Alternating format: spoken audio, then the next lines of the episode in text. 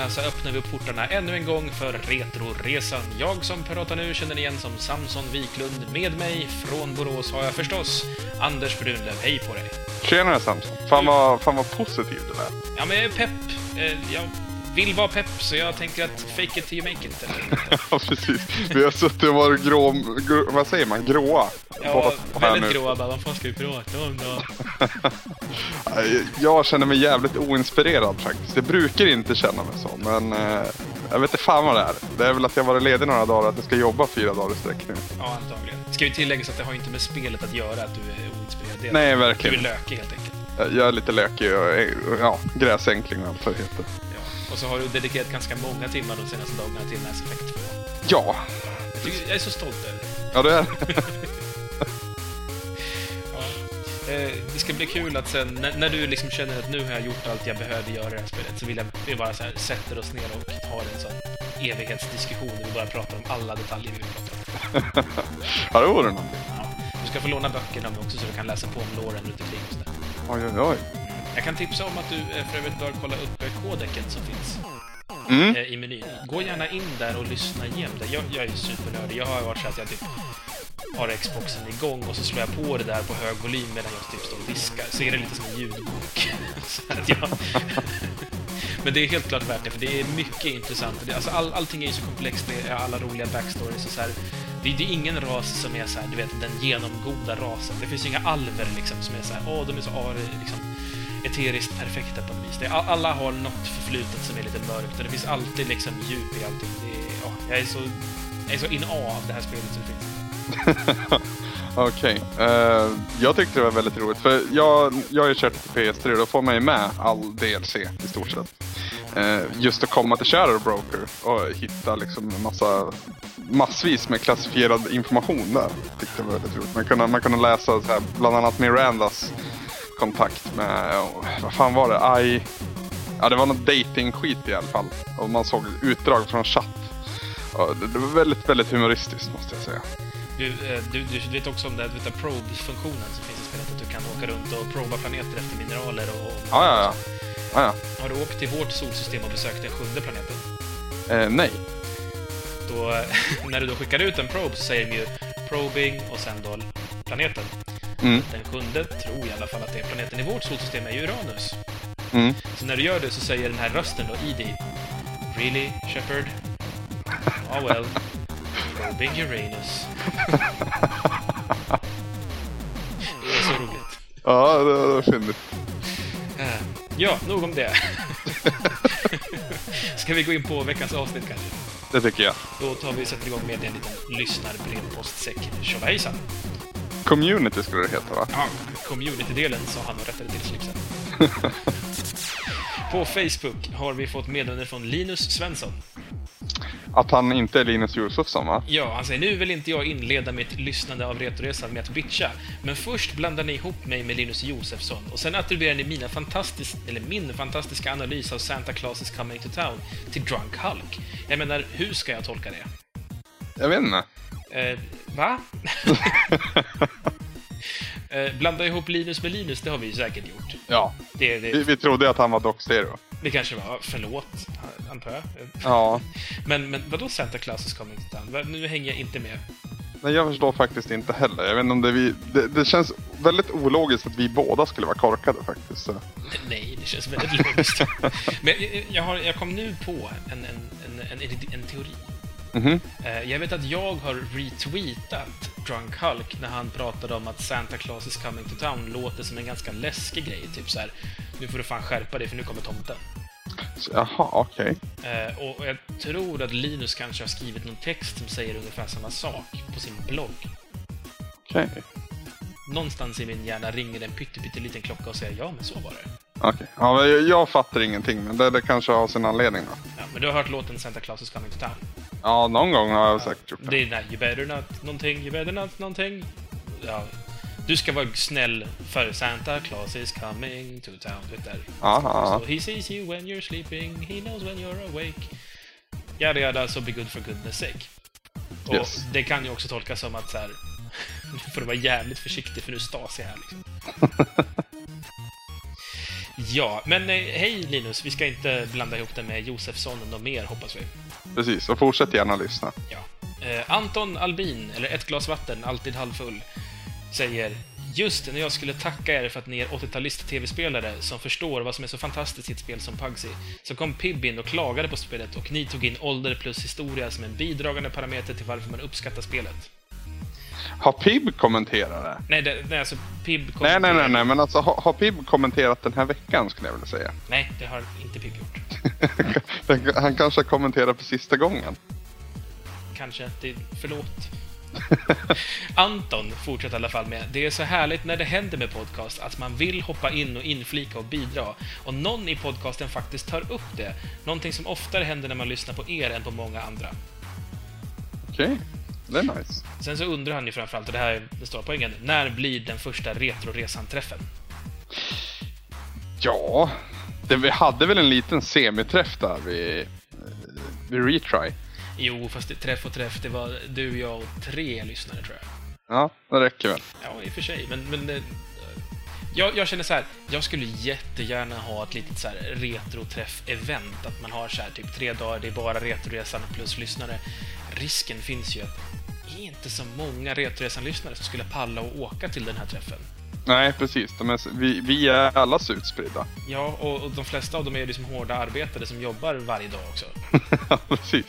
Precis, jag får ta oss en Ja. på någon röd dag eller någonting sånt. Ja, någon, någon så här riktigt lång helg. Då, då, sitter ju alla med sina familjer också, så det är, det är svårt det här. Men det skulle vara jättekul att få ihop något sånt. Vi gör så här, vi lämnar jättegärna öppet. Om det är någon som är så här, jag har en schysst lokal och jag har en massa spel. Vi skulle kunna ha det här. Meddela oss. För jag menar, vi är öppna Hemskt för förslag, men vi är också tyvärr lite för upptagna för att... Gud vad viktigt det där lät. Eh, vi, vi är inte så bra på att arrangera såna här saker, det är väl det jag vill komma till, tror jag. Vi, vi vet ju inte om vi är bra på det eller inte, för vi har inte försökt. Men eh, det, det vore ju lämpligt om någon annan gjorde det. Ja, så kan vi gå dit och träna lite på, på sånt där. Precis. På våran sajt, retoresan.se, så har Lefyrius kommenterat. Mm. Eh, först och främst så säger han Samson har förstörts av all amerikansk action och allt blinkande japanskt anime. Och eh, där allt ska blinka överallt, så därför kommer inte han kunna uppskatta det lugnare tempot i Åsa-Nisse. och jag vill direkt säga att Lefyrius, du har så fel, fel, fel, fel, fel.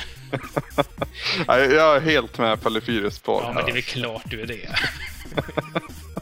det är inte tempot som är problemet med Åsa-Nisse, det är Åsa-Nisse som är problemet med Åsa-Nisse. Jag förstår det. Ja, men jag, ett lugnt tempo både i, i eh, drama, action, komedi, skräck, vad som helst, det är absolut inget problem. Nästan alla mina absoluta favoritfilmer är liksom från den gamla goda tiden där man hade ett mycket behagligare tempo både i regi och i manus och i framförallt i klippning. Så jag är inte förstörd av den här MTV-iska, moderna hets, hets, hets berätteriet som man jobbar med nu. Jag lovar. Jag bara gillar inte Åsa-Nisse ändå. Det går faktiskt att, ogilla Åsa-Nisse, jag lovar. Det är väl faktiskt rätt enkelt att ogilla Åsa-Nisse. Ja, se på mig. jag är en enkel man. Eh, apropå enkel så säger också Lefyrius, kan ni ge exempel på enkla skurkar? Endimensionella antar jag att det är samma sak. Ja, alltså för mig är principen en, en enkel skurk är ju en skurk som inte måste ha ett så här broket förflutet, att de har så här en förklaring till varför de är som onda. Som, om man tittar på um, Sephiroth till exempel. Alltså Sephiroth har ju, har ju blivit som han är på grund av det som har hänt honom, mer eller mindre. Mm. Och, och det gäller väl nästan alla, liksom, de flesta moderna skurkar har ju någon slags förklaring till varför. Alltså det, gör ju, det gör ju dem till en mer intressant karaktär. Vi pratar om att vi kan ju uppskatta enklare karaktärer som kanske bara är onda för att de ska vara onda. Typ Bowser och Dr. Wily då kanske. Ja, man kan ju i och för sig om man vill djupdyka i Bowser också. Mm. Jo, men det kan man säkert med Dr. Wily också. Alltså missförstådd vetenskapsman som liksom... Ja, förstår det. Men alltså... Ja, Men jag tänker till exempel Kefka. Ja fast han- har det är väl samma sak där som med Bowser. Så börjar man gräva lite så finns det säkert en anledning. Och det, det, men det, det, jag skulle också räkna Kefka som en enkel om man kontrar då med, med till exempel Sephiroth eller om vi går utanför tv-spelens värld, Lex Luthor eller eh, Darth Vader liksom. Det är ju bad guys men de har ju liksom, man kan se den röda tråden. Ja.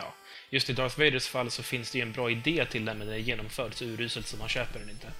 Och du gillar inte de tre nya? Gör någon det? Jag, jag tycker det finns. Den är, de är helt klart sevärda, men det, det, Nu talar väl jag för den stora majoriteten här. De tre äldre är ju överlägset bättre. Ja, ja, det, det är ju ingen diskussion där tror jag. Jag har i träffat en person som tycker att den första filmen, alltså Phantom Menace, är bäst. Oj. Ja. Men det är också en människa som jag i dagligt tal brukar kalla för retardo, så jag vet inte om det gills. Nej, jag, jag kan ju nästan tycka att om delar av eh, tvåan och trean, alltså de nya, är bättre än första. Alltså del fyra. För- De, delar av skulle jag säga, men på det stora hela, om man bara tittar på konkret film för film, så tycker jag Episod 4 är bättre än alla tre. Men sen finns det moment i Episod 1, 2 och 3 här och där som är så här glimtar till och bara shit, det här var en jävligt läcker grej. Den, hade, den är bättre gjord än motsvarande liknande grej i, i Episod 4. Det finns. Det pro problemet med de nya är att det finns så ofantligt mycket att störa sig på. Antar jag. Ja, eh, det finns en väldigt bra eh, recension av den, den nya trilogin eh, från Red Letter Media, tror jag. Jag tror jag Jickel tipsade om det här. Mm. Det är en snubbe som i mer eller mindre typ en och en halv timme per film går igenom varenda liten punkt han stör sig på. Och grejen är att jag skriver under på allting det han säger. Jag håller med honom till 100% på alla åsikter han har om filmen. Har, du- har du sett den här nedklippta versionen av Phantom Menace för övrigt? När allt med Jar Jar Binks är bortklippt? Det finns flera olika faktiskt. Det finns ett Okej. jättemånga fanmix, eller vad heter det, fancuts av, av just den. Jag har sett en där de har eh, förvanskat det väldigt mycket. Att de har eh, så att säga, gjort det så att Jar Jar Binks pratar ett annat språk. Så de har liksom eh, lagt en massa filter över hans röst. Okej. Och sen så textar de vad det är han säger istället. Ja. Så de kan de byta ut det och de behöver inte fejka in ett eget språk för det skulle bara låta fel i mixningen. Men det blir så att de kör lite, delar av hans tal går baklänges, del, delar av det hackas upp väldigt mycket. Så det låter mer som nonsens och så textar de vad de tycker att han borde säga istället. Och så på det sättet, det gör de med flera karaktärer. Och då gör de den lite allvarligare, de klipper bort de värsta fånerierna och så, så skapar de en liten annorlunda historia av vad som händer på Naboo framförallt. Hur funkar det då? Det funkar förvånansvärt bra faktiskt. Alltså, Ja, men jag, kan- jag kan tänka mig det. eh, Faktiskt. Så, Den ja. blir väldigt mycket mörkare dock. Det, det är mycket, alltså ondskan är mycket ondare. Mm. Eh, för du känner ju knappt särskilt mycket påtaglig fara när de här, du vet de som ska föreställa typ japanska tjänstemän, de som like this, uh, Mm. uh, what is happening, the still getting worse all the time. De snubbarna ehm, är, också gjort så här med, och de är liksom mycket, mycket råare. Typ, vid något tillfälle så i, i filmen, egentligen, så säger de typ så här, take them to the eh, ja, fängelseceller, whatever. Eh, och här är det typ dubbat till bara typ, ja, ta in dem dit och skjut dem. Liksom. Inget fängelse, det är mycket råare, mycket kallare. Eh, du, du vet, i slutet av den så, så håller ju han, stora jättetjockispaddan, håller upp någon slags skimrande boll. Mm. Bara så här, helt apropå gör de det i originalet. I den här så är det så att deras engagemang i hela, hela den här striden handlar om den här kristallen som, som det här då ska vara. Som är någon slags energikristall som är livsnödvändig för de här som har stulits av Naboo-folket. Så att de liksom bygger in en helt annan side story till varför de här lägger sig i. Och de är, det är mycket mindre skämt och mycket mer allvar. Och det gör faktiskt spelen, eller filmen så mycket nytta. Mm, jag förstår det. Det, var- det, var, det var liksom den här plumpigheten mest som man stöddes på. Skulle jag säga. Och mycket är ju förknippat med just Jari Arbinks. Ja, det är mycket också som jag stämmer på som är bara så här logiska missar. Bara så här, men varför gör de så? Varför gör de inte bara så här? Så, alltså missar som inte the bad guys framförallt då gör i, i de moderna filmerna. Där det är liksom valen de gör känns mycket mer så här, det där är det logiska sättet att hantera situationen. Medan det i den här versionen är så här, varför gör de så? Det där är ju jättekorkat. Alltså, varför inte bara göra så här? Det, hade, det är ju det man hade gjort. Man hade inte tagit den här dumma risken liksom. Nej. Ja. Nog om Star Wars. För nu. för den här gången. Ja. Uh, Lefius säger också att eh, det finns någonting i det här vi pratar om att vi mest, vi gissar att vi mest har konsolspelande lyssnare. Mm. Uh, Lefius tycker dock att du ska fortsätta med japanska rollspel för att valen i ett västerländskt gör att storyn förändras så mycket mer drastiskt. Vilket gör att det blir en ond cirkel med att folk skulle kritisera dina val mycket mer. Mm. Mm. Mm. Jag har i och för sig redan börjat märka det med folk som har stört sig på att du eh, behöll Magus och så vidare. ja, precis. Uh, jag, jag tror majoriteten dock gillar att Magus är med. Eller majoriteten, jag vet väl egentligen ingenting. Men jag vet att det finns lyssnare som gillade att jag lät Magus leva och vara med. Jag gillade det, kan jag säga. Ja, bra. Vi går vidare. På Twitter så har Belayal skrivit. Det här är en liten sån här diskussionsfråga. Mm. Om ni hade fått välja att åka på E3 eller TGS, hur hade ni resonerat? Eh, E3. Ja, men resonemanget var ju det som var intressant, inte slutet. Jaha, jaha. Eh, E3. Okej, tack. Eh, nästa fråga. Nej, men eh, varför väljer du E3 framför Tokyo Game Show? Jag antar att det är för att Japan ligger så pass mycket efter. Alltså, eh, det gör den väl kanske inte egentligen, men alltså. Jag är väldigt... Jag har väldigt svårt att bli imponerad av det här japanska konstiga. Som, som många verkar gilla. Jag, jag tycker att det mest känns så här eh, konstigt. Förr var det liksom charmigt, men nu är det mest konstigt. Ehm, Men du brann ju så mycket för Vanquish till exempel. ja, jag vet. Men det var ju själva gameplay-kärleken snarare. Ja, men det är ju det du hittar i Japan i så fall. Ja, men... Nej. Nej. Det är allting runt omkring jag snarare tänker på. Men alltså, sen är ju E3 det, det absolut största och det, det liksom... eh, Det är dit man vill komma. Jag, jag skulle nog trivas bättre i, på amerikanska västkusten, antar jag att de håller hus. Ja, det är väl Los Angeles misstänker jag. Ja, Det är eh, länge sedan de var Atlanta nu. ja precis. Än, än i Japan, eh, rent konkret. Sen, sen händer det ju mer grejer där och det är liksom större och maffigare. Det är det, är det maffigaste man kan komma åt. För mig är är jag är inte lika definitiv som du i, i mitt beslut. Jag vet fortfarande inte riktigt. Jag är svårt att resonera här. Så Tokyo Game Show lockar för att det är Tokyo. Eh, jag, jag, alltså, jag vet att du inte gillar det, men jag... Jag vill åka till Tokyo. Alltså, bara, bara för att uppleva Tokyo. Eh, nu, nu kommer man inte kanske kunna göra det på TGS, men jag tänker att man kanske kan boka om sin hemresa med ytterligare någon vecka så man får semester lite där också. Um, sen också, på Tokyo Game Show så är det ju mycket mer av det som är svårt att se för oss. Eh, vilket gör, för jag menar, E3, det, det mesta av det som kommer visas på E3, alltså som är nytt, det kommer jag kunna få reda på eller få se strömmat över nätet. Så det, då är det ju mer att vara på plats som är liksom lockelsen där. Um, medan Tokyo Game Show inte är lika liksom, det är inte lika strömmat för oss västerlänningar. Alltså vi, jag kan inte helt random kolla på en, en, eh, en, liksom ett pressevent och se allt de presenterar. Framförallt så fattar jag inte språket, vilket också är en, en barriär förstås. Mm. Ehm, så jag vet inte det. Alltså E3 tror jag är... Jag tror E3 ger mig, ger mig ett mer mervärde av mässan i sig.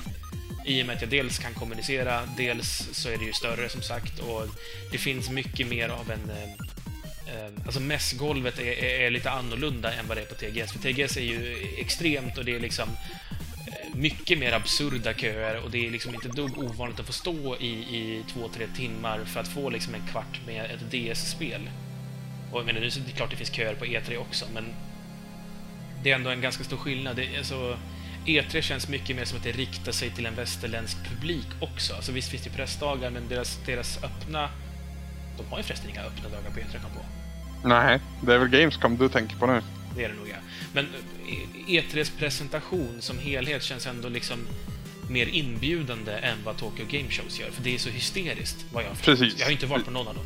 Det är väl lite så jag tänker också att det som finns på E3 det, det kommer tilltala mig. Eller snarare det som kommer tilltala mig finns på E3. Sen finns det en jävla massa annat också säkerligen på, på TGS. Mm. Eh, och så sen som sagt, jag har inte så här, längtar inte jättemycket efter att åka till Tokyo. Det är ju konstigt. Jag vet. Eller så, så är alla andra det. Nej, det är du som är konstig. Eh, eh, Linus 2.0 eh, är lite sur på dig faktiskt. Jaha. Han säger, ehm, eller han säger så här. Brunlöv kallar Burtons Alice för det bästa Burton gjort. Jag, ska, jag måste nog sluta lyssna på Retroresan. Ja, jag tycker fortfarande det. Eh, jag har ju haft diskussionen tillbaka till han, eller vi har, vi har ju bollat lite fram och tillbaka där. Kontentan av det hela är väl att jag inte är så jätteimponerad av Burton heller. Jag, precis, jag så jag gillar inte Tokyo, jag gillar inte Tim Burton.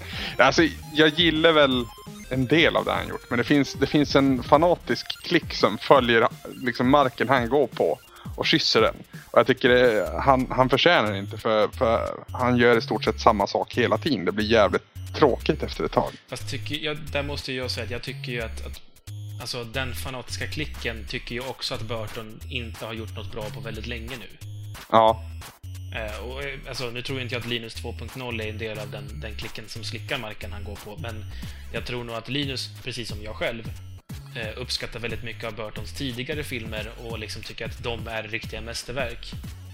vilka Nu- tänker du på då? då? Eh, Jag tänker väl på Beetlejuice och jag tänker på eh, Pee-Wees Big Adventure, jag tänker på ja, Nightmare Before Christmas kommer man inte förbi.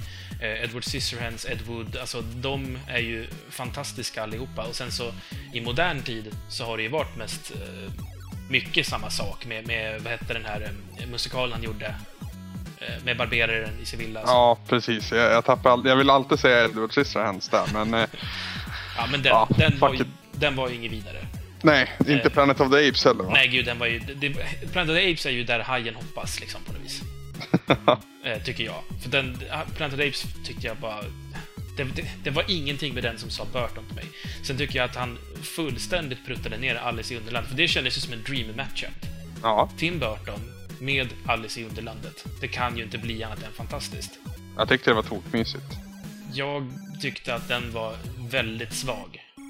Vad vad- vad- vad är främsta kritiken då? Alltså, vart ligger problemet?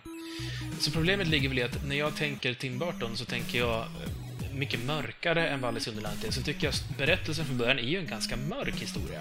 Mm. Eh, mycket liksom moraliska eh, beslut som känns liksom märkliga men som har någon slags poäng. Det är mycket så här ändamålet helgar medlen-tänk. Och det tycker inte jag framkom så bra. Jag tycker att Johnny Depps tolkning av, eh, av eh, Willy Wonka var sådär. Eh, Jag tycker Willy Wonka ska vara ett slugt geni som är märklig. Mhm, Eh, mm. Nu var han mer, alltså han såg ju mer, den var ju typ inspirerad av Michael Jackson vad jag förstått. Eh, alltså att, eh, vad heter skådespelaren? Johnny Depp hade liksom i princip tagit in Michael Jacksons maner och det känns lite barnsligt förvirrad. Mm. Och, och jag upplever inte Willy Wonka från boken, för den här har ju hämtat inspiration främst från boken, inte från den, den tidigare filmen med Gene Wilder, som för övrigt är helt magnifik. Eh, Jag tycker inte det vet du. Jag tycker inte heller att, att alltså, jag tycker väl inte att den förra filmen är dålig, men jag, jag tyckte att det var liksom lite frisk luft som fick komma in under, under seglen här. Där det inte gjordes samma sak igen och igen och igen. Eh, och sen andra saker jag gillar liksom, det var, det var ju tokigt snygg tyckte jag, även om det mesta var animerat. Men det, det funkar om det görs bra, det tyckte jag det gjorde så här. Och så uppskattar jag att det inte var massa jävla transportsträckor, utan det liksom, den var 1.45 eller någonting sånt där. Alla jävla... Transportsträckor i första heller. Nej, visserligen. Men alltså, kollar du på som filmer stort idag. Alla filmer som är liksom större licenser ska ju liksom sträcka sig upp på två och en halv timme. Och jag tyckte det var väldigt befriande att det var någon som vågade klippa ner den så pass hårt som den gjorde. Jag tyckte inte den kändes sammanfattad på något vis. Nej, det tycker nog inte jag heller. Där, alltså, det jag saknar är ju den här lite kusliga spökhusstämningen som jag tycker aldrig riktigt infinner sig. Så ta jämför bara Oompa Loompa-sången i, i den första filmen jämfört med den andra filmen. Mm. Där, där den första är liksom så här väldigt så dum, dum, dum, dum, dum, dum, dum, dum. Det, Den går liksom i någon slags kusligt så här, du vet, spökhus, crazy, cirkus, eh, lite den sortens vibb. Jo men alltså, förlåt men varför ska den andra filmen vara lik den första? Varför kan inte den här nu då, den nya? Jag förstår om folk inte uppskattar det om, man gillar första filmen, men jag tyckte att det var som sagt frisk luft. För att det, det, det finns ingen logisk tanke bakom att göra den första filmen en gång till. Nej, men den första filmen bygger på boken och boken ger den kusliga vibben. Det är det jag tycker att man, man har... Den friska vinden som du tycker, tycker jag förstör vad boken vill förmedla. Mm, kanske. Det är det jag tänker. Alltså det är, om jag gör Sagan om ringen som en komedi, det är typ så jag tänker att det blir. Disney hade väl licens på gång där va? Menar, Passande. Sagan om ringen har väl varit på väg att bli filmad i så här t- 50 år innan det äntligen blev av. Mm. Men jävlar vad bra det vart, måste jag säga. Ja, det, det är nog den bästa, bästa filmserien. Det är sån här, min mamma kan berätta om hur hon gick på Star Wars-premiären och jag var inte född. Liksom. Nej, Jag kommer kunna berätta om hur jag gick på Sagan om ringen-premiären. precis. Det, det känns stort. Och synd att inte Matrix fick samma vibb, för det fanns ju... När man såg första filmen, och man fick höra att det skulle komma två till, så fick man så här, shit, det här kommer ju bli vår generations stora såna här eposrulle som kommer snackas om och göras leksaker i all evighet om och så vidare. Men det gick ju inte riktigt. Nej, ehm, kanske nej, vår tids största besvikelse lär väl vara den vi pratade om tidigare istället. ja, faktiskt. Men Reloaded är ju- ja, Det är inte lika bra. Det är nej det är verkligen inte lika bra. Men dock så är det inte en dålig film. Eller sett över det hela kanske det är en dålig film, men det innehåller mycket ballt. Det innehåller mycket bra. M- Mitt problem med Matrix 2 och Matrix 3 det är att allting som är viktigt eh, berättas i, i så här, någon typ av subplott. Eller det, det, det är ingenting som sägs i klartext. Allting ska bara liksom hintas om eller eh, syftas till. Ja, de skulle göra det ännu krångligare än vad det var i första filmen sen. Ja, och de behövde inte göra det. Alltså, att, att, att man ställer en fråga till Neo så här. Varför gör du det här? Och han svarar för att jag har valt det. Och det är så här, men, men Alltså, vi vet att det finns en förklaring vars liksom, summering skulle kunna vara för att jag har valt det. Men du behöver faktiskt ha det där Oscars-nominerade talet där du beskriver varför valet som är gjort ska följas ut till fullo för att det ska vara ett ordentligt val. Varför, liksom, varför det betyder någonting att du tänker på det sättet. Det gör han inte. Utan det ska du liksom bara fatta av någon slags subplott och, och av liksom hintar i, i, som liksom slängs ut här och där. Och då känns det som att så här, ni tar i lite för mycket. Ni, ni, får faktiskt prata i klartext då och då och ändå vara coola, jag lovar. Mm. Agreed. Ja.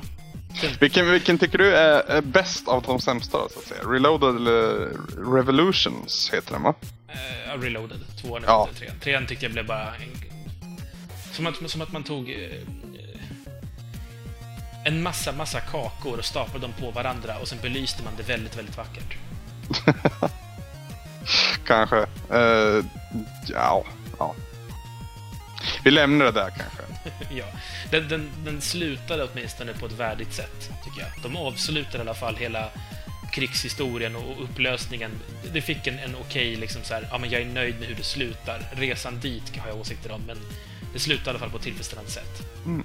Mm. För det är det man varit orolig för. Kommer, han kunna, eller kommer de kunna i, på de här två filmerna så ska de ändå lyckas liksom knyta upp säcken och säga så här, och det där var The Matrix. Typ. Mm. Och, och, det tycker jag de ändå halvt som halvt fick till i alla fall på slutet. Det jämfört till exempel med Star Wars. Där man hela första filmen tänker så här, oj, oj, oj, hur ska han hinna? Han har så mycket att berätta och han tar så här lång tid på sig att göra det här som känns helt ovidkommande. Tvåan kommer så här, okej, okay, han börjar, men gud vad långsamt han kommer till och gud vad mycket annan fakta som jag skiter i han tar upp. Och så kommer sista filmen och så bara, ja just jävlar, vi måste få den här vändningen nu och så händer det på en femöring och man blir jättebesviken. ja, med den diskussionen så stänger vi eh, community-delen för idag och går vidare på att prata veckans spel.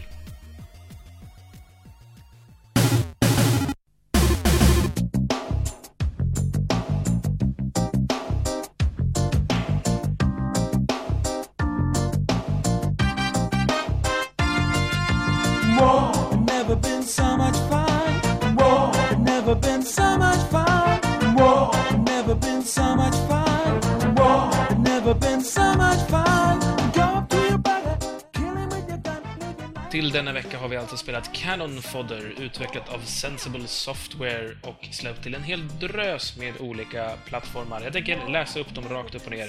3DO, Acorn Archimedes, Amiga, Amiga CD32, Atari Jaguar, Atari ST, Game Boy Color, PC, Sega Mega Drive och Super Nintendo. Och jag vet helt ärligt inte vilken version jag spelade.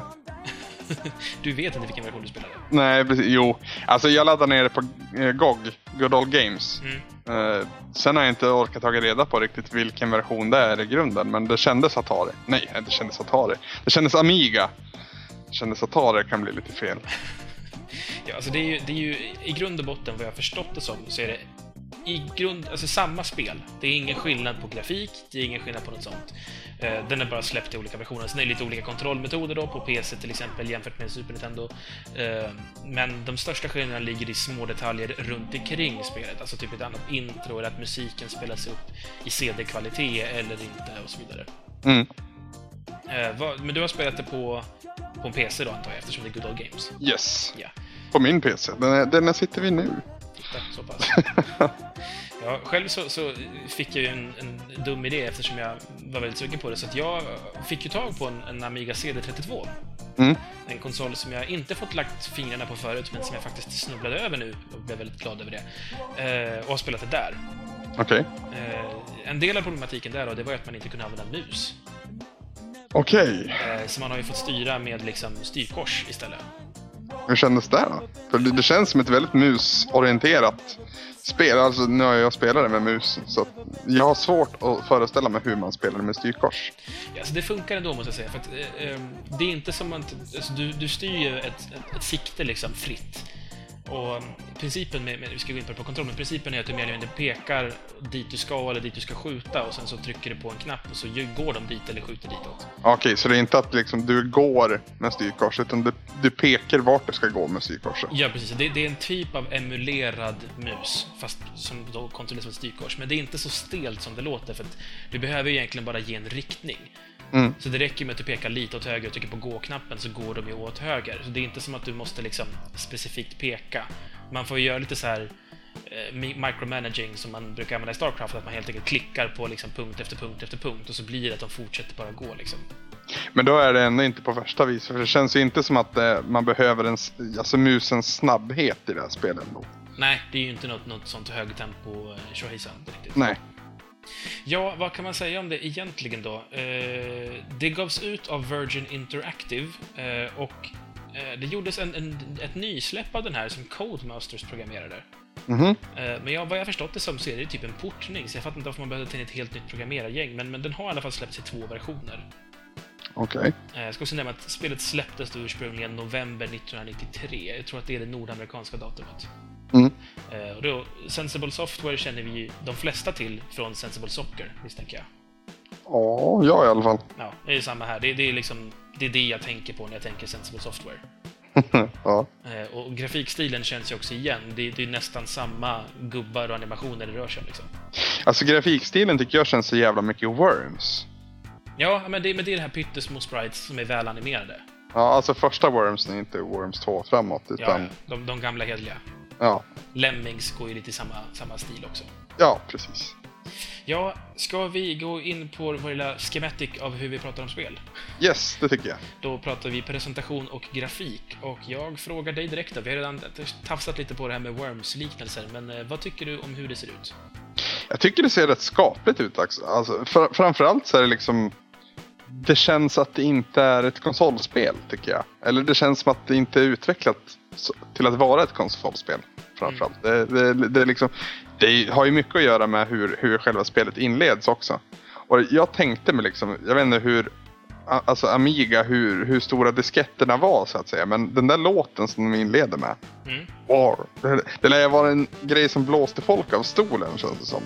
Det ska ju dock tilläggas att den här introlåten som du pratar om, Mm. eh, den är bara med i versioner som faktiskt har möjlighet att ha så mycket plats. Så i Super Nintendo-versionen så spelas den ju upp med Super Nintendo-musikchippet och utan text. Mm, men alltså alla datorversionerna om jag säger så, alltså de som inte är konsol, Mm. borde väl ha haft den här. För jag, jag vet att jag läste om, jag gjorde faktiskt lite efterforskningar också om, om någon som hade spelat det här back in the day så att säga. Mm. Eh, och eh, berätta om att det var riktigt jävla häftigt. Mm. Det är ju... ehm, mig veterligen så är det 3DO-versionen, Amiga CD32-versionen och PC-versionen som har den här. Mm. Ehm, nu har jag för sakens skull också bara testat de andra versionerna, bara startat dem, för jag hade den på Super Nintendo också. Eller hade, hade jag lånade den på Super Nintendo för att se. Och då det jag märkte där var att musikvideon var helt borta. Och introlåten var liksom bara... Alltså liksom så. Mm. Väldigt liksom supersimpelt i jämförelse. Mm, mm. Men vad tycker du om, om eh, miljöerna, om man tittar i själva spelet så att säga? De eh, djungelmiljön och, och snömiljön och alla de här olika man går runt i. Hur, hur- hur tycker du de identifierar sig själva ordentligt? Vilken jävla fråga. Ja, det, det är väldigt tydligt alltså. Det, det är liksom, ja men här är det snömiljö. Vi är på Island av någon jävla anledning. Eh, och så Vietnam och liksom, det, det känns ju... Det känns som det bör kännas. Med de, med de verktyg som fanns att tillhandahålla så att säga. Det, det är inga direkta överraskningar men det... Så, så ska det väl vara. Sen är det jävligt tråkigt vatten. Det var väl det enda jag reagerar på egentligen. Jag tycker också att det, jag får lite problem med just miljöerna, för jag tycker att det är så lite som skiljer dem åt förutom färgpaletten nästan. Alltså, det som skiljer en snöbana från en djungelbana är att det är vitt överallt istället för att vara grönt överallt. Det finns ingenting med, med vattenmiljön som gör den, eller jag, is och snömiljön som gör att man tänker oh, nu är det verkligen is och snö. Du halkar ju inte liksom, till exempel. Nej, Eh, de bär inte annorlunda kläder eller någonting sånt heller. nej, och varför man, varför man har liksom grönt kamouflage på en ismiljö är också ett mysterium i sig. Ehm, men, alltså, så att jag har, sen tycker jag att det, det är lite för få olika sorters miljö, för det finns ju en ganska stor mängd med banor ändå. Ja, De är väl en, ett 50-tal åtminstone, tror jag. jävligt långt tyckte jag det var. Eh, de var För ganska- det har ju också att göra med att jag spelar Mass Effect, att jag hellre vill spela det. Men det, det kan jag... Ja, förstås. Eh, vad var det jag skulle säga? Jo, ehm, däremot, de små detaljerna i spelet tycker jag gör sig jättefina. Som till exempel om, det, om ett lik hamnar i vattnet så flyter det till slut iväg. Mm, Tyckte jag var jättecharmig liten detalj. mm. Eh, fåglarna som flyger omkring när du är i djungeln, som inte går att skjuta av någon anledning. Nej, jag försökte... jag försökte väldigt noga kan jag säga, eller väldigt ofta. Mm. Utan något resultat. Ja, om vi tittar på eh, ljud och musik istället då. Det är ju, alltså introlåtarna vi pratar om, den tycker jag är supersvängig. Ja, ja, den är ju charmig som tusan. Ja, eh, sen är det lite synd att det är liksom bara under själva menysegmentet så att säga. Eller det, förutom själva spelsegmentet så, fin- så är det, bara, det är bara där det finns musik. I själva spelandet så är det ju tyst. Mm. Det är ljudeffekter bara. Ja, och det märks ju också i det här avsnittet där vi har väldigt, väldigt lite bakgrundsmusik att komma med. ja, jag vet fan hur du ska få ihop det här Samson. Men... Risken finns ju att vi faktiskt kör på tystnad förutom introt. Oh, shit. Det, det, det går inte. Det går inte. Det blir introlåten loopad hela tiden. Oh, det orkar nog inte ens jag lyssna på. Wow. Eller så nynnar vi. Jag kan nynna i bakgrunden medan du pratar. Eller också inte. Men ljudeffekterna tycker jag gör, gör det de ska. Alltså varje skott känns, varje dödsskrik känns. Och de här små liksom, så här miljöljuden som fåglarna skriker och så vidare tycker jag gör sitt för att bygga stämning. Alltså det, den jobbar ju med någon typ av minimalism, eh, både grafik och ljud. Att det ska liksom mest bara symbolisera att så här, nu är du här, punkt. På något vis. Ja, ja. Ehm, Jag håller med. Det är därför jag är tyst. det blir rätt så. Mm.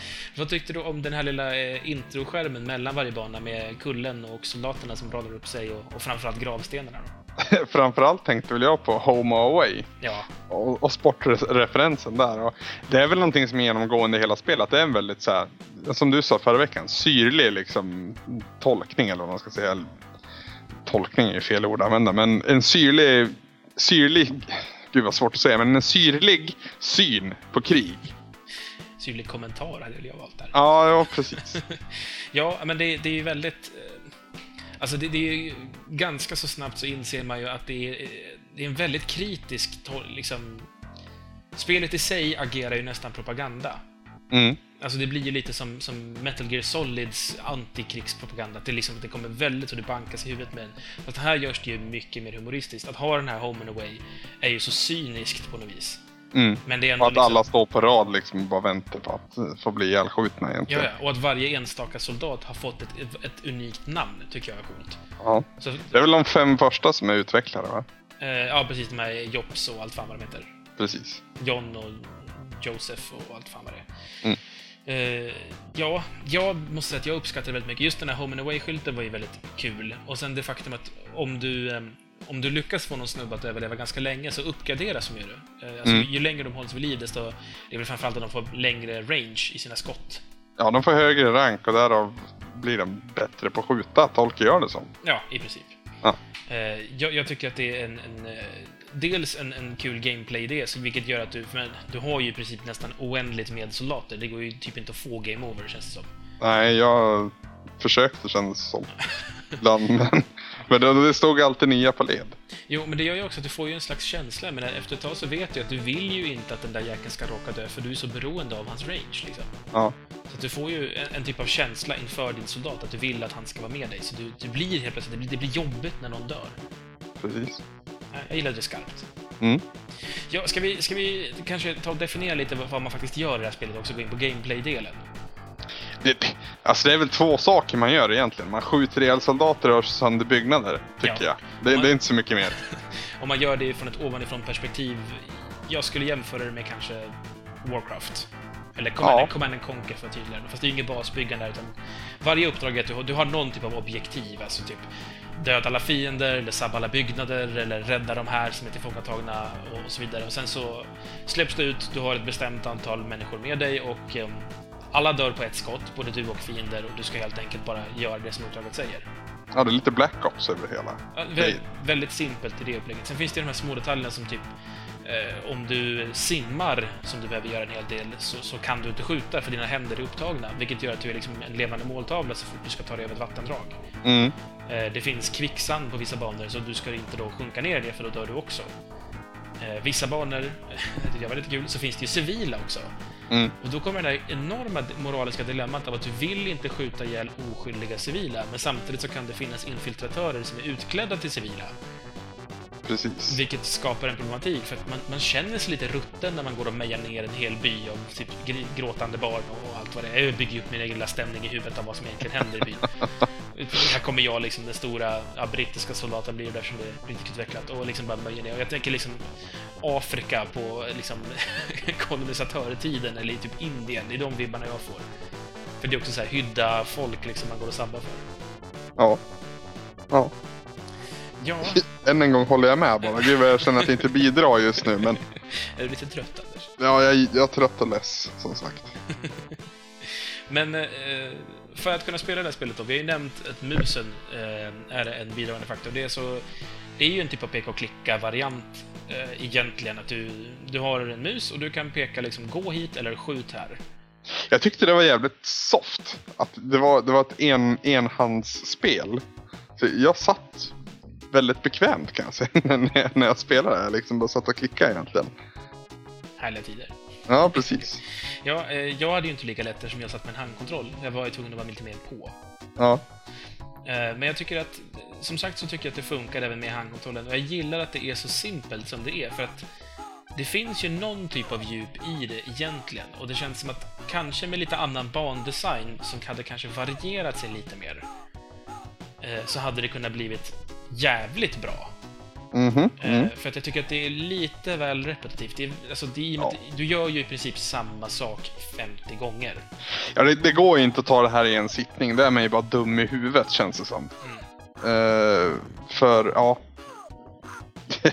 det, det, jag vet inte hur många byggnader av soldater jag... Det hade varit intressant att se det också.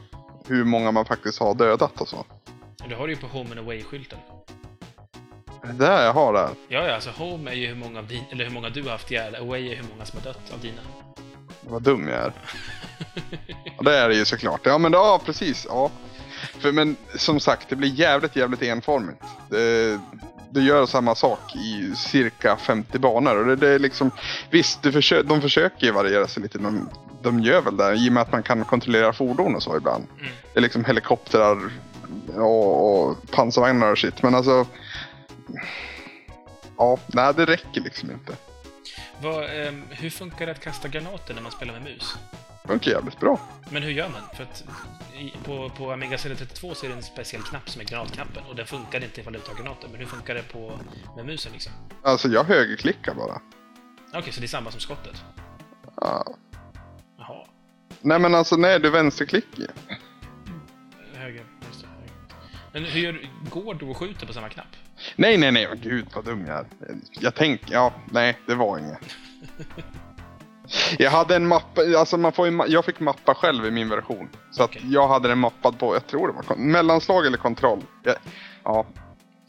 Någon av dem helt enkelt. Precis. Ja, jag, jag, jag, är bara nyfiken på att veta hur det funkar. För så som jag har det haft det så är det tre inputs jag har, förutom styrandet av, av, av muspekan liksom. Mm. Ja, men då, då har jag rätt ut det. Jag var nyfiken bara. Ja, jag tänkte helt fel. Ja. Eh, ja, det går ganska fort det här. Det är inte så jätterikt det här spelet om man egentligen ska analysera det. Det är ju, det är ju i så fall mer budskapet som känns som det man, man kan kanske grävas lite mer i.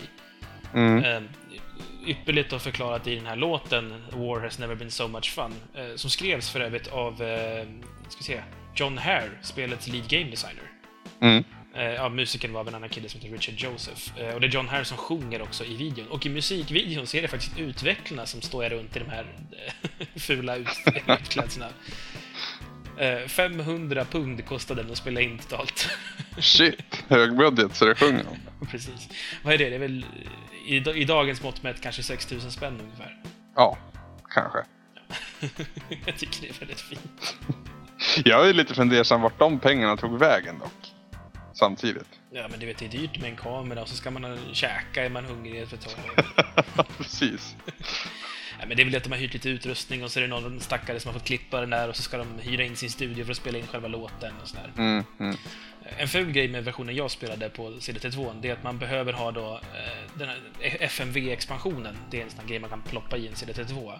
Mm. För har du inte den så kan den inte spela upp video. Vilket är jävligt irriterande. Alltså det är Full Motion Video Expansion. Den heter FMV för Full Motion Video Expansion. Jag, Ja. tror, jag tror att det är typ mer ram i den än sånt där, jag är inte helt säker. Och jag hade inte den först, så jag var såhär, men vad är den här musikvideon som ska vara med? Och så var jag tvungen att googla upp det, så var jag tvungen att ringa killen som ägde den här. Bara, du, har du en sån här? Jag Bara, men det är klart jag har. så jag fick ju liksom köra om då introt en gång till bara för att kunna se det ordentligt. Då fick du en liten känning av hur det var liksom en liten throwback till den tiden då man liksom var beroende av allt sånt här. Istället för Google, tänkte jag. Jo, nu, nu löste jag ju det med att googla fram det i och för sig. Jo, men du löste det ju faktiskt genom att ringa den här kompisen. Jo, du tänker så ja. Ja. Eh, för övrigt så den här eh, expansionen var det sista hårdvaran som Commodore tillverkade innan de blev, eh, gick i konkurs. Okej. Det ser man. Fint, fint, fint. Mm. Lite, lite fint att jag har fått känna på den också, men det här är det sista man har tillverkat och så kramade jag lite för mycket. Men vad tyckte, hade du kul med det här spelet Samson? Alltså, var det roligt eller var det, var det inte det? Alltså jag tycker att det var roligt, men jag funderar på om det var roligt på grund av gameplay eller för att jag gillade vad spelet sa. Mm, det är lite så, det är lite där jag vill ha fram där. Att det, det, det är mest en, en, det är lite svart humor. Ja, och den, den är svart på ett väldigt snyggt sätt och, och den, den, tar, den, den blir inte plump, eh, utan den känns liksom smart. Mm. Det känns lagomt eh, ja, dissande, Ja. man säger så. Och utan att på något sätt försöka vanhedra soldaterna i sig, för det är ju inte Mm. de som, som är de man vanhedrar, utan det är kriget. Precis. Eh, Det där blev ju också en kontrovers kring i och med att man har eh, den här rosen, eller vad det är, den här röda blomman, poppy flower heter det på engelska, Ja, precis. som vi nämnde då, det är ju Royal British Legion. eh, Det är deras logo, liksom. Ja. Och det, det märks att det är deras logo i introt. Ja, Så jävlar vad de har fått slag ifrån sig. Så här. Det här är inte våran, eller det här är liksom, de här är inte associerade på något sätt. nej. Eh, Från början så var ju också den här, den här blomman på framsidan av paketet, eller av förpackningen. Man fick ju byta det till lite bara så här, det står Cannon Fodder och sen så är det lite kamouflage typ. Mm. Eh, vilket man inte var så jättepepp på. Jag undrar varför man har fått behålla den i själva spelet. Kan det vara för att man typ så här orkade inte programmera om den och så skyllde man på det på något sätt? Nej, eller så vart, kom klagomålen ut för sent. Ja, det kan jag försöka så. Så tänker väl jag med i alla fall. Eh, men jag är väl lite inne på ditt spår där att det, alltså det funkar ju bra själva gameplayet. Det, det, det, det är inte vidare utmanande. Som sagt så har man ju, det känns ju som oändligt med liv. Eh, dock så finns ju den här faktorn som du är inne på att, att man inte vill att ens supersoldat, som det till slut blir, eh, ska dö. Men eh, alltså jag vet, jag vet, omspelningsvärdet känns ju lika med noll för att du har ju gjort samma sak 50 banor och är det inte så jävla lust att göra det här något mer sen. Det kom ju en tvåa eh, året efter. Ja, det har jag läst men jag har inte sett eller testat någonting. Jag tänkte mest, alltså... vad gör man i den då? Ja, det kanske finns fler vapen tänker jag. Ja, men du, var det inte den man slogs mot utomjordingar i? Jag har för mig att den, den gick lite sci-fi mot slutet. Jag för mig det jag också. Det är, det är bra att vi har för oss saker när vi spelar in. Det är väldigt viktigt. Eh, ja. Spelet har också fått en massa spin-off-varianter. Okej. Eh, det kom ett gratis minispel som heter Canon Soccer. Eh, Eller egentligen då Canon Fodder Amiga Format Christmas Special. Mm. Eh, och den, den fanns då i, i Amiga-format, alltså tidningen Amiga-format. Den kom med då i deras jul, eh, julutgåva, eller vad man säger. Eh, och det var väl i princip då två extra banor till Canon Fodder där eh, soldaterna slåss mot en massa fotbollsspelare från Sensible Soccers. Det är snyggt. Väldigt charmigt. Eh, det finns också en, en variant som heter Sensible Soccer 92-93 meets Bulldog Blightly. Eh, och det kom också med, med en, en sån här eh, tidning, va? Am- eh, Amiga Power hette den här tidningen då. Och det är en, en sån här udda demo som är en liknande grej då, att det är fortfarande jul och så är det en fotbollsmatch, men det är mellan tyskar och britter. Mm. Eh, och det är över ingenmansland 1914. Mm. Så det, det är ju fortfarande liksom krigsbudskapet och det är fortfarande lite så här, för att nu gick man ju ännu hårdare på det, för nu är det ju verkligen de soldaterna också som faktiskt, eh, liksom den här charity-organisationen, British eh, Royal Legion, de, de som har den här loggan. Nu är det faktiskt de soldaterna rakt ut, att säga, titta, nu är det faktiskt där. Mm. Det blev lite, lite väl magstarkt tror jag. Det tror jag också faktiskt. Det känns som att de borde ha stannat där de var. Det, det, det, det är så bra där. Det är samtidigt väldigt, väldigt enkelt att kliva ett steg för långt. Det var ju också på gång ett tag att man skulle släppa en Playstation 2-uppdatering av det med 3D-grafik och så vidare. Mm, Som alltså skulle vara då Canon Fodder 3. precis. Eh, och John Hare då, eh, lead gamer-designen, var också inblandad, men av någon anledning lades det ner. Jag vet faktiskt inte helt ärligt på varför. Det verkar inte finnas någon ordentlig förklaring någonstans. Jag har försökt hitta liksom i, i gamla intervjuer som gjordes, det här är alltså mitten av 2000-talet någonstans. Mm. Eh, Men jag har inte fått något konkret svar, mer än att han har sagt liksom så här, "Åh, det, skulle, det skulle vara skitkul att få göra det, men tyvärr, det blev inget, typ. Varför, jaha, skulle man porta upp och skita eller skulle man bara porta det rakt av? Nej, då skulle man göra, alltså det är ju Canon Fodder 3, man skulle göra ett nytt spel. Okej. Ett modernt spel, eh, bara att det skulle liksom... Det skulle vara ungefär samma team bakom, fast det skulle vara antagligen något mycket djupare gameplay, misstänker jag. Det här känns ju som ett spel som borde kommit, eller säkert redan har kommit på iPhone också. Jag vet inte det. Det har släppts en mobiltelefonsvariant, men den är nog för gammal, tror jag. Ja, det, alltså det, är- det är touch jag tänker på framförallt. Alltså det är så enkelt att liksom, ja, ta- dubbeltappa för att gå och klicka en gång för att, för att skjuta eller någonting sånt. Ja, alltså det, vad jag vet är att John Hare då, återigen, startade ju ett mobilföretag som heter Tower Studios. Mm.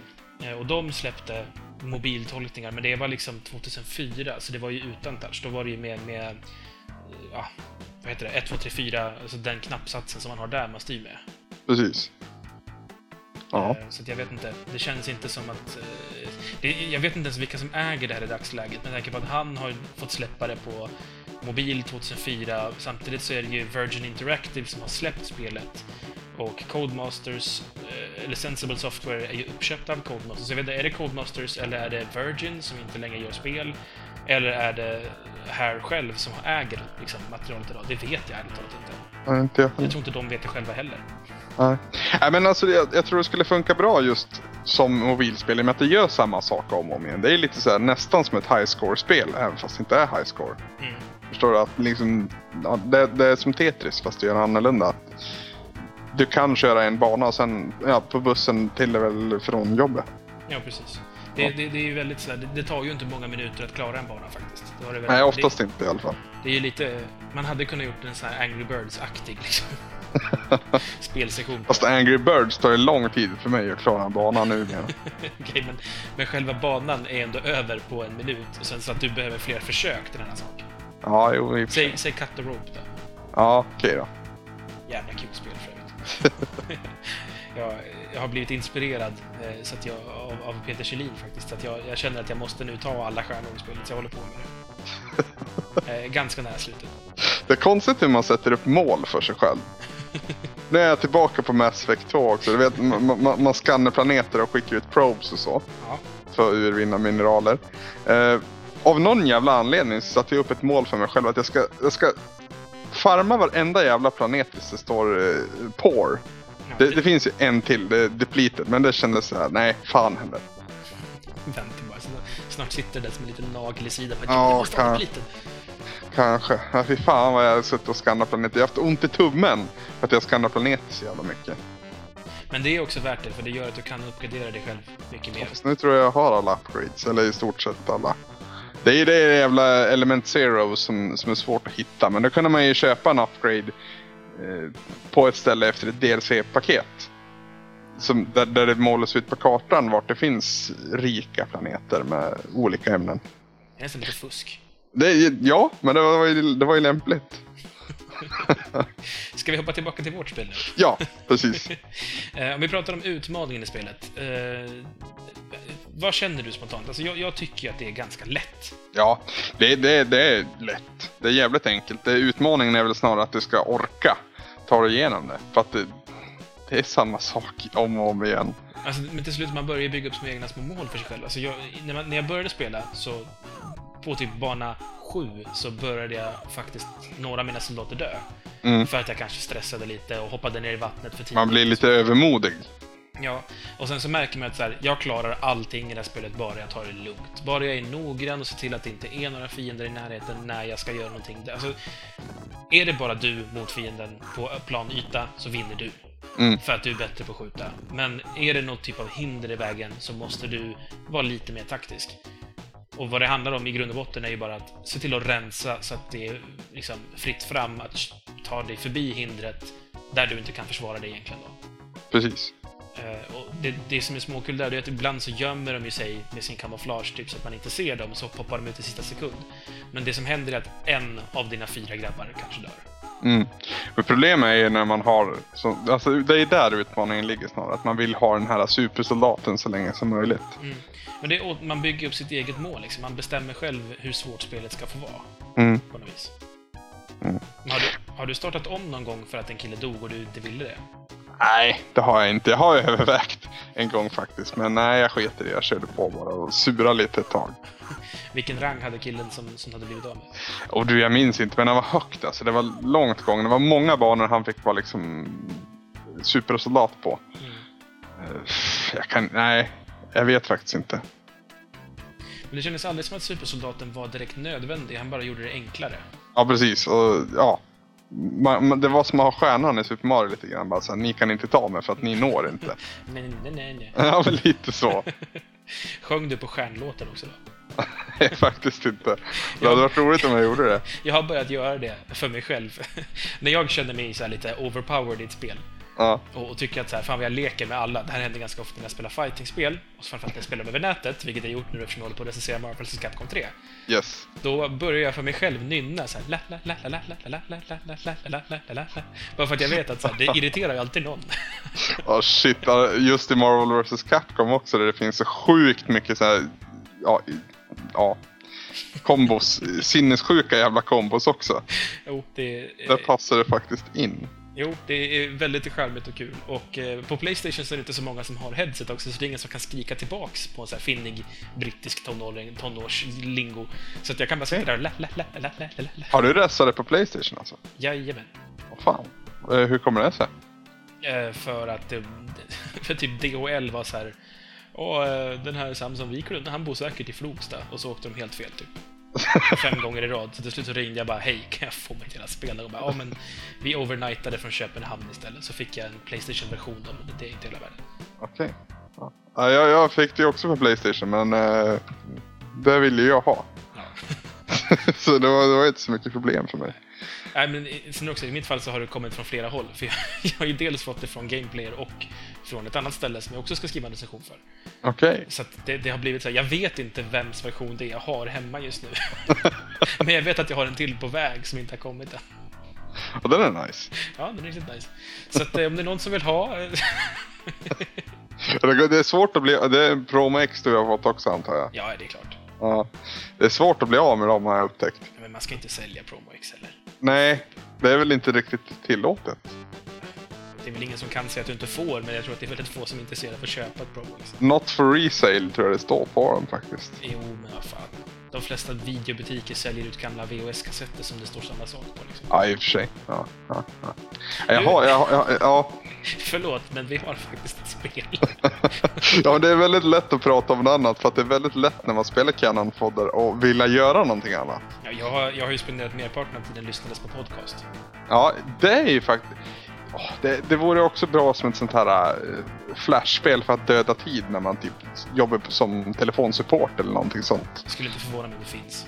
Nej, precis. Eller om det finns folk som har liksom varvat Canon Fodder 2 14 gånger medan de svarar på dryga frågor om varför deras frys inte fryser. Jag vet inte. Bra exempel här för ja, precis. Nu ska vi försöka sammanfatta våra intryck av spelet. Ja, kanske det. Eh, på det stora hela så tycker jag att det är ett väldigt charmigt spel ändå. Eh, Mm. Det finns jättemycket glädje i, i liksom alltihopa, i helheten kan man säga. För att tittar man på specifika delar, så musiken är liksom, den är småkul men den är ganska frånvarande. Grafiken är liksom tydlig men inte vacker och gameplayet är liksom enkelt eh, men inte tråkigt men ändå liksom man önskar lite mer av det. Det känns som en... Allt som allt så lever det ju väldigt mycket på liksom det budskapet som man vet ligger där under och som faktiskt kommer fram då hela tiden. Att du får den här Home and Away-skärmen som konstant uppdateras. Att det står en gravsten för varje soldat som har dött. Mm.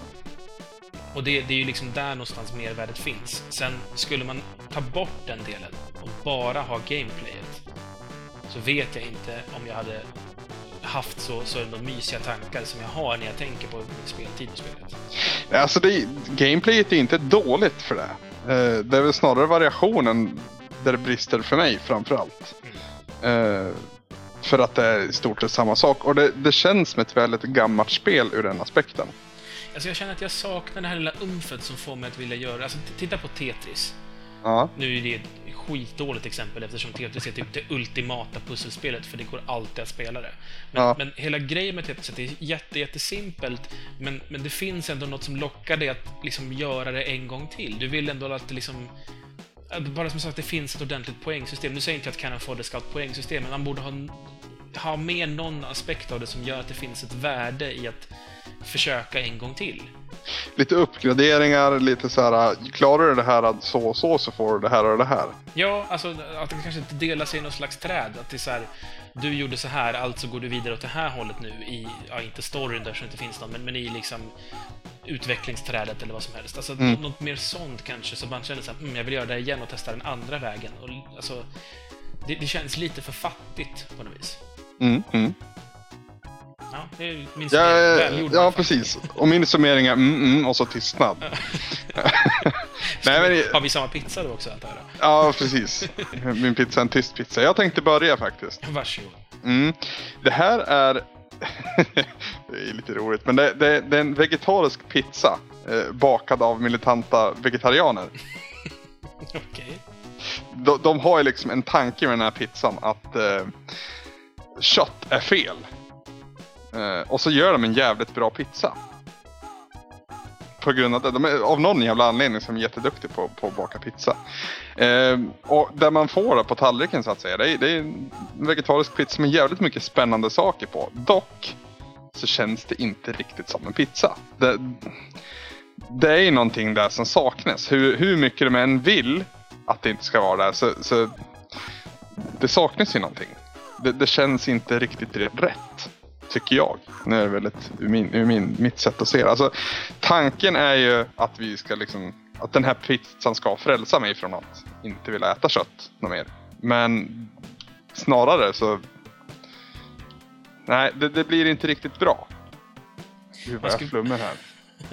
Man skulle kanske kunna säga att det, det du saknar på din vegetariska pizza är ett substitut för köttet. För nu har du goda grönsaker, men du kanske skulle ha behövt en vegetarisk salami eller någonting som gav dig något mer än bara grönsakerna. Ja, någonting sånt kanske.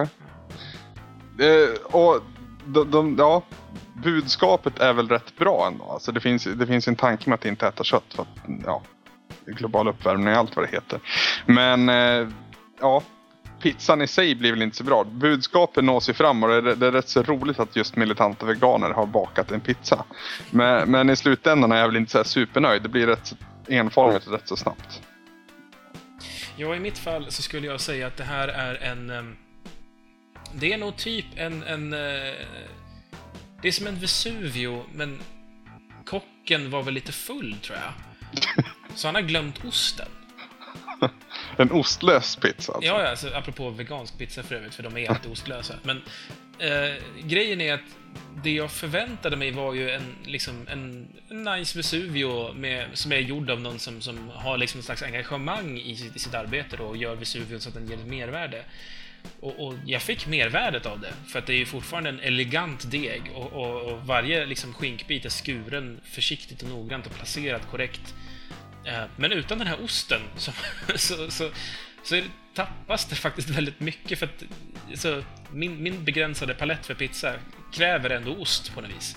Mm. Och, och det är så himla synd för att med ost så hade det här varit visserligen fortfarande en Vesuvio, men det hade kunnat varit en fantastisk Vesuvio. Idag är det ett försök till en fantastisk Vesuvio som misslyckades för kocken glömde osten. Och nu är det dags för musikpaus och jag hade ju valt ut en låt och tyckte att den här blir jättebra i musikpausen. Och sen kommer Samson och säger att nej, nu ska vi lyssna på något annat. Nu ska Samson in och bestämma. Det, det stoppar inte där heller utan det, det, du vänder det till bittra konkurrenter. så du säger, så du säger. Nej, nej, det här gillar jag inte. så du menar att jag måste presentera vad det är vi ska lyssna på? Absolut, det här tänker jag inte röra med tång. så fånig. Jo, det är som så att våra kära kollegor eh, på på podcasten Radio Gamer. Eh, och det jag pratar om nu främst det är ju Peter Kylin och Christian Hedlund tror jag det är. Ja. De har, eh, eller Hedlund har ju en för vana att spela in eh, covers på låtar med egen text. Eh, lite så här, ganska roligt, de brukar lägga upp dem på Youtube och så vidare. Jag har uppskattat dem väldigt mycket. Och eh, både hela Radio Gaming-gänget har haft som en, en grej de gör att man ska bli spelfadder för människor som kanske inte är så himla insatta i spel, men som kanske är lite intresserade. Men det, det kan ju vara lite läskigt, till exempel online då framförallt. Men allmänt, vilka spel ska man spela? Vad behöver man veta? Och liksom så, här, så, så kan man få ändå en, en fadder som hjälper en in i det här. Och jag tycker att det här är en superbra idé. Och jag står bakom den till 100%. Och nu då, i, i senaste Radio Gamer-avsnittet, så hade de till och med spelat in en liten låt om det här. Och låten är då en cover på Tenacious D's Fuck Her Gently. Här i versionen Pwn You Gently, som handlar om hur man ska bete sig då som spelare inför sina andra spelare. This is... eh! Nej, men nu, tre. This is a song for the nerds. But we owners, listen up. You don't always have to game so hard. In fact, sometimes that's not right to do. Sometimes you gotta spread some love and maybe help out a newbie or two. Lay back with your headset and yawn. Relax a bit you respawn. And suddenly you got to say, hey, I'm gonna help you softly. I'm gonna build your base camp. I'm gonna crush you. Later, I will protect you from haters. And then you say, hey, I bought you Minecraft. And then you say, wait a minute, co-op. I think I got a quest in Fable 3. Will you beat that thing for me? That's fucking teamwork. What's your favorite game? It's cool with me, it's not my favorite, but I'll play it with you. What's your favorite skill? I'm not gonna join you, but I'll watch you level up for me. And then discreetly. And then I'll fucking crush you completely. And then I'm gonna spawn cap you sweetly. But then I'm gonna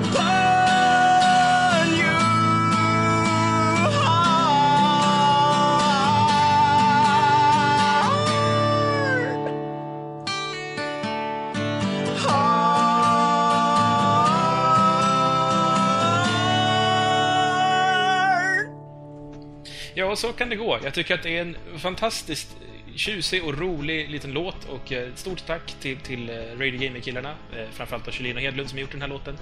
Eh, Lite tack till Tenacious D för musiken som sagt. Vad Eh, var det för fel på originalet undrar jag? men, det är väl inget fel på originalet, men man får väl ta och göra det till sin egen. Anders, kan du inte bara... Tyckte du det här var dåligt? Nej, det, det var väl kanske inte riktigt uruselt. Men gud vad feg. Kan du inte bara uppskatta våra konkurrenter istället? nu säger du konkurrenter dock. Det är Ja men kollegor, konkurrenter, potato, potato, vad fan. Vi, vi gör ju inte samma typ av show som de gör. Det är du väl med om? Ja, jag är helt med på Ja, det. kan, kan, kan du erkänna att det är en bra låt de har gjort? Nej. Du är så sur. Nej, jag är inte sur, men jag... Alltså, eh, det... Jag ska försöka inte använda elaka ord. Men Anders, om jag hade gjort den här låten, vad hade du sagt då? Ja, du tyckte att det var rätt skoj. Det tycker jag det här är också. Men jag tycker inte att det är en, det är en superbra låt. Det tycker jag inte om Tenacious D-låt heller. Så förstår du vart jag menar? Ja, Eller ty- vad jag menar. tycker- Texten är text... Okej. eh, de här grabbarnas tolkning av den här låten är rätt ball. Ja, jag får nöja mig med det i alla fall. Ja, så långt sträcker jag mig. Hej kära lyssnare. Ja, här var det egentligen tänkt att det skulle komma en sagostund den här veckan och vi hade tänkt också att göra lite annorlunda just här. Att jag skulle spela in det själv, vilket jag också sitter och gör nu. Men det har till råga på allt mitt humör i, i åtanke framförallt och så har det ju jävlats rätt så ordentligt med mig. Jag hade suttit och, och spelat in och och prata in under en längre stund innan programmet helt hängde sig och den sparade filen visade sig dessutom vara korrupt av någon anledning. Så det, ja, jag kan inte göra annat än att ställa in veckans sagostund tyvärr. Eh, ska försöka kompensera det här så gott det går till nästa vecka då jag dessutom ska ha tillräckligt med tid och, och ork att göra det som vi brukar göra så att säga, på riktigt. Eh, så ja, än en gång, jag ber om ursäkt och så går vi istället vidare på vad som händer i nästa veckas avsnitt. Ja, Anders, då börjar vi närma oss slutet av avsnittet. Men innan vi ger oss så ska vi förstås prata lite om vad vi lirar till nästa vecka. Precis. Och lite som ett tema under den här hösten, eller nej, varför säger jag höst för? Det är ju vår. Nej, men vi har haft väldigt mycket lyssnarönskningar. Eh, det är väl framförallt förra veckans eh, Pugsy jag tänker på. Eh, och den här nästa, ve nästa veckas spel är ju också en lyssnarönskning. Den här gången från eh, allas vår kära Ludde. Ludde Lundblad. Ludde Han kanske, det, det, passar väldigt bra att komma från Dalarna och, och heta någonting på Ludde. Ja, men tänk dig Ludde Lundblad från Ludvika. Det hade ja. varit hur perfekt som helst. Men Ludde, Ludde, vad sover du på? Min kudde. Alltså, ja, det är en Luddekudde. Allting med U och D. Tänk om han heter Ludde och har en luddig kudde. Ludde Lundblad med luddiga kudden från Ludvika. Ja, det är så fint. Hur som ja. helst, vi ska spela James Pond 2, codename Robocod. Det var väl någon annan som hade önskat det också va? Ja, det har tagits upp tidigare. Men närmst i minnet är ju faktiskt Luddes önskning. Mm. Eh, det är alltså uppföljaren på James Bond 1 som var sådär i lite namn. Men tvåan sägs vara bättre och den har släppts på en drös med olika konsoler och hårdvara. Eh, kort förklarat så har Millennium Interactive varit utgivare på Amiga, Atari ST, CD32, Commodore 64 och DOS. US Gold släppte en version till Game Gear och Master System, Electronic Arts till Mega Drive och Play IT Limited Limited till Playstation, Playstation 2 och Nintendo DS. Ocean släppte den till SNES och Valcon Games till Game Boy Advance. Lång lista, men det är alltså en drös med olika sätt ni kan spela det här spelet. Enklast för en modern spelare måste vara att köpa den via Playstation Network. Mm. Tror jag. Det, det var väl en, en, en, lyssnare som frågade om det där tidigare idag, om jag inte minns helt fel. Mm, El Shebabo. El Shebabo var det. Ja, den finns ju på Playstation Network som sagt. Eh, PS1-versionen va? Mm, och den är godkänd. Den, den är godkänd. Vilken kommer du lira? Eh, jag vet faktiskt inte. Jag, jag, vill ju nog helst spela Genesis eller Mega Drive-versionen. Mm, jag lutar faktiskt åt Playstation-versionen bara för att det är så enkelt. Jo, men jag har ju ingen egen PS3. Jag måste ju låna för jämnan, så det känns bara ja.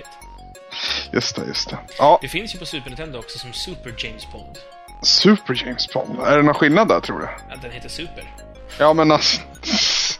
Åh, Samson. Nej, jag tror inte det är någon större skillnad. Det är väl de sedvanliga skillnaderna att musiken låter lite annorlunda än vad den gör på Mega Drive. Den låter lite bättre med andra ord. Eller annorlunda. Nu är Super Nintendo är ju inte lead-plattform och det är Ocean som, som står för det. Uh, just det, det är utvecklat av ett företag som heter Victor Dean Limited, som jag aldrig har hört talas om förut. Inte jag heller. Men ska, jag har hört många säga att det ska vara rätt bra. Jag tror min halvgranne där, Tobbe, mm. också är inne på att det ska vara rätt roligt. Jag gillar, jag gillar konceptet med att han har på sig en så halv Robocop-dräkt. Men du, var det inte något superfyndigt med det där? Jo, uh, Robocod. Jo, jo, jo, men alltså... Jag för mig, jag tittar upp den här covern. He, he's, he's mean, he's green, he's part machine. det tyckte jag var jättefyndigt. Så hur som helst, James Bond 2, codename Robocod, eller Super James Bond. I vissa ställen så kallas den Super James Bond 2, men det är samma spel. Det har bara att göra med om det är Europa eller Nordamerika vi pratar om. Så helt enkelt James Bond 2, eller om den heter Super så är det både ettan och tvåan. Och med detta sagt då så är det ingenting kvar av programmet förutom att säga att ni måste prenumerera på oss. Det gör ni via RSS eller via iTunes. Länkar för det finns på vår hemsida. Och på vår hemsida har vi också vårt eminenta community-system där man kan säga vad man tycker om oss. Har ni riktigt, riktigt tur och vi gillar det ni säger, framförallt om ni ställer en kul diskussionsfråga, så finns det en liten, liten chans att vi tar upp just det du sa i nästa avsnitt. Detsamma kan man också göra på Twitter, där heter vi Retroresan, eller på vår Facebook-sida, facebook.com retroresan. Tycker man allt sånt här eh, socialt nätverkande är bara skit, så finns vi faktiskt också på helt vanliga standard communities, eller forum, där man kan sitta och trolla bäst man vill. Och då har vi skillpoint, vi har loading och vi har gameplayer. Det är bara in och skriv så fingrarna blöder.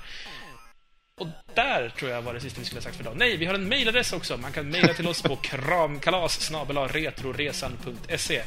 Sög du i dig någon kopp kaffe då alldeles innan det här? För det är ett jävla tempo på dig Ja, men jag är igång nu som fan vet du. Lagom tills vi ska lägga på. det blir så ibland.